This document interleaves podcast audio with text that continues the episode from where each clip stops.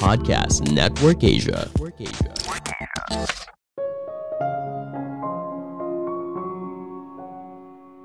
Pengalaman masa kecil yang buruk bisa menjelaskan apa yang terjadi pada kamu di saat ini.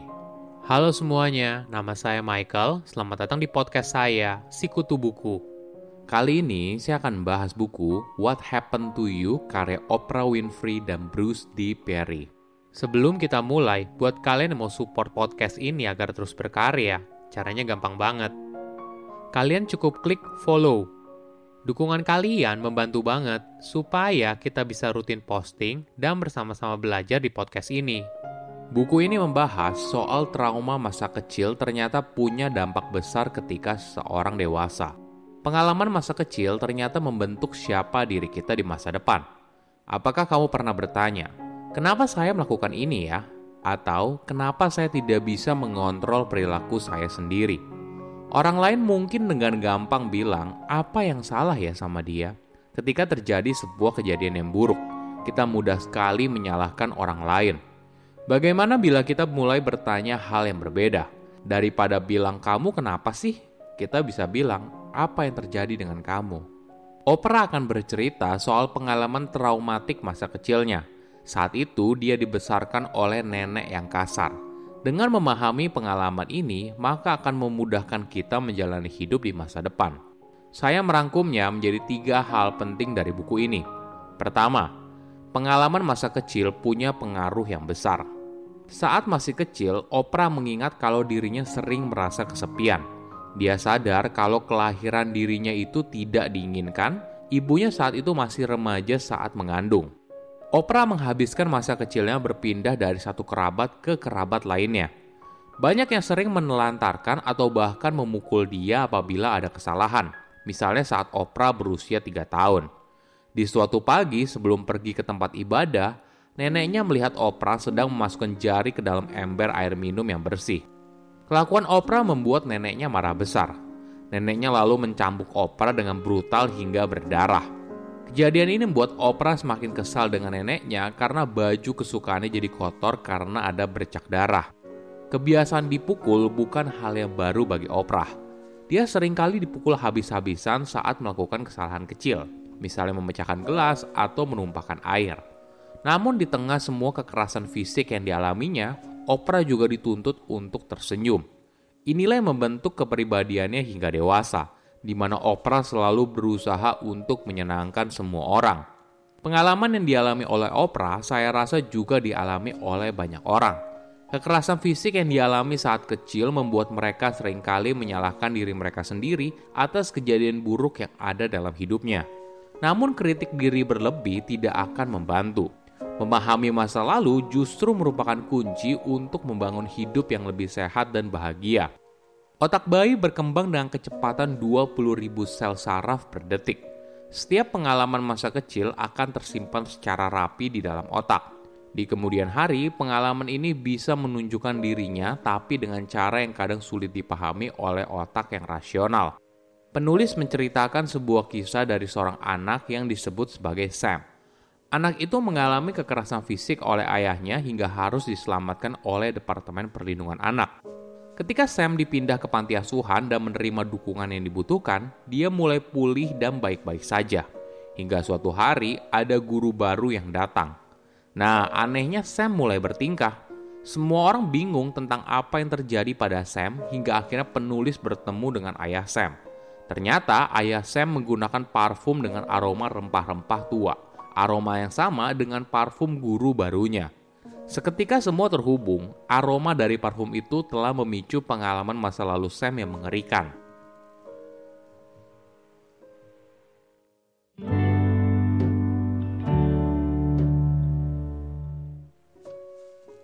Kedua, apa itu trauma?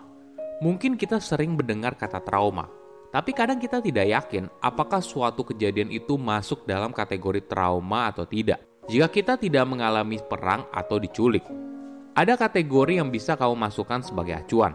Bagi kebanyakan orang, trauma artinya sebuah kejadian atau pengalaman yang sangat buruk.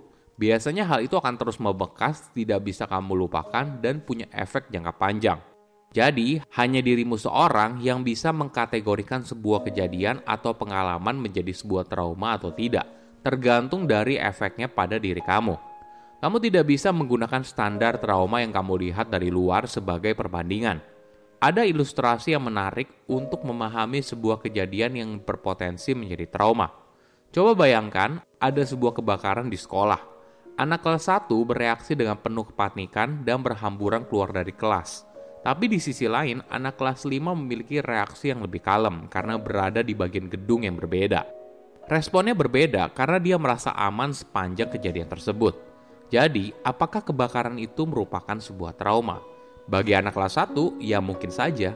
Tapi bagi anak kelas 5, mungkin saja tidak. Trauma tidak hanya terjadi karena ada satu kejadian yang membekas, tapi bisa juga berasal dari kejadian yang kelihatannya kecil tapi rutin terjadi. Misalnya orang-orang yang dimarginalkan atau dikucilkan secara sosial. Mereka mungkin saja mengalami trauma.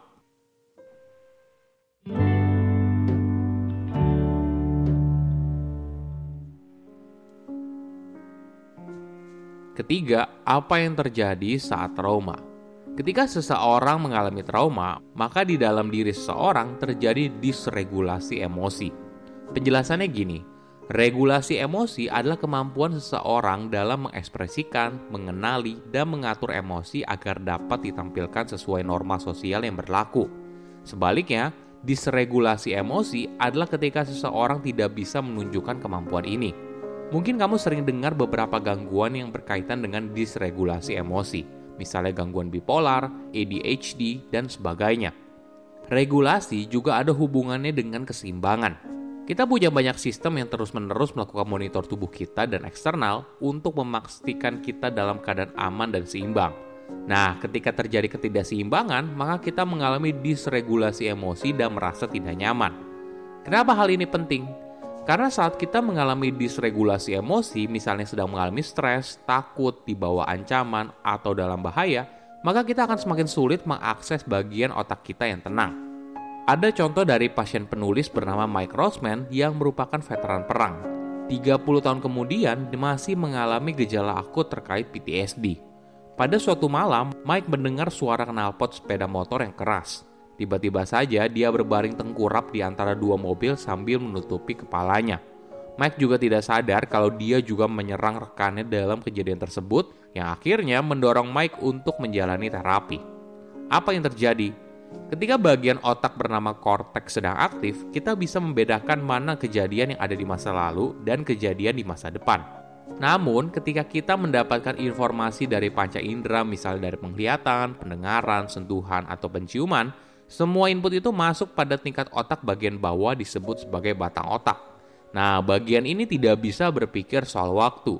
Jadi, ketika ada suara knalpot motor yang bising, Otak Mike tidak bisa membedakan apakah suara itu berasal dari knalpot motor atau dari suara senjata saat perang Korea 30 tahun yang lalu. Oke, apa kesimpulannya? Pertama, pengalaman masa kecil membentuk siapa kita di masa depan. Otak bayi berkembang dengan kecepatan 20.000 sel saraf per detik. Setiap pengalaman masa kecil akan tersimpan secara rapi di dalam otak. Di kemudian hari, pengalaman ini bisa menunjukkan dirinya dengan cara yang kadang sulit dipahami oleh otak yang rasional. Kedua, trauma itu sifatnya personal. Bagi kebanyakan orang, trauma artinya sebuah kejadian atau pengalaman yang sangat buruk. Biasanya hal itu akan terus membekas, tidak bisa kamu lupakan, dan punya efek jangka panjang.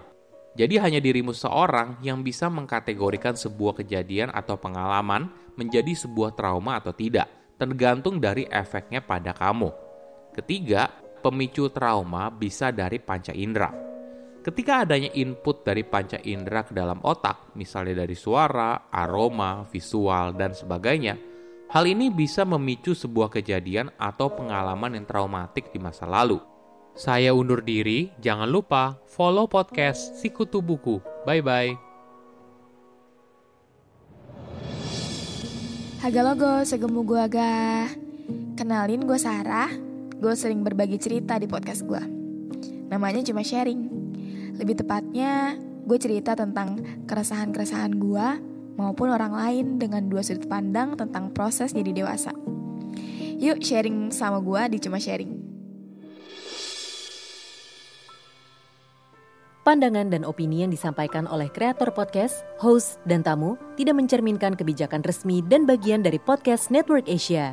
Setiap konten yang disampaikan mereka di dalam podcast adalah opini mereka sendiri dan tidak bermaksud untuk merugikan agama, grup etnik, perkumpulan, organisasi, perusahaan, perorangan, atau siapa pun dan apa pun.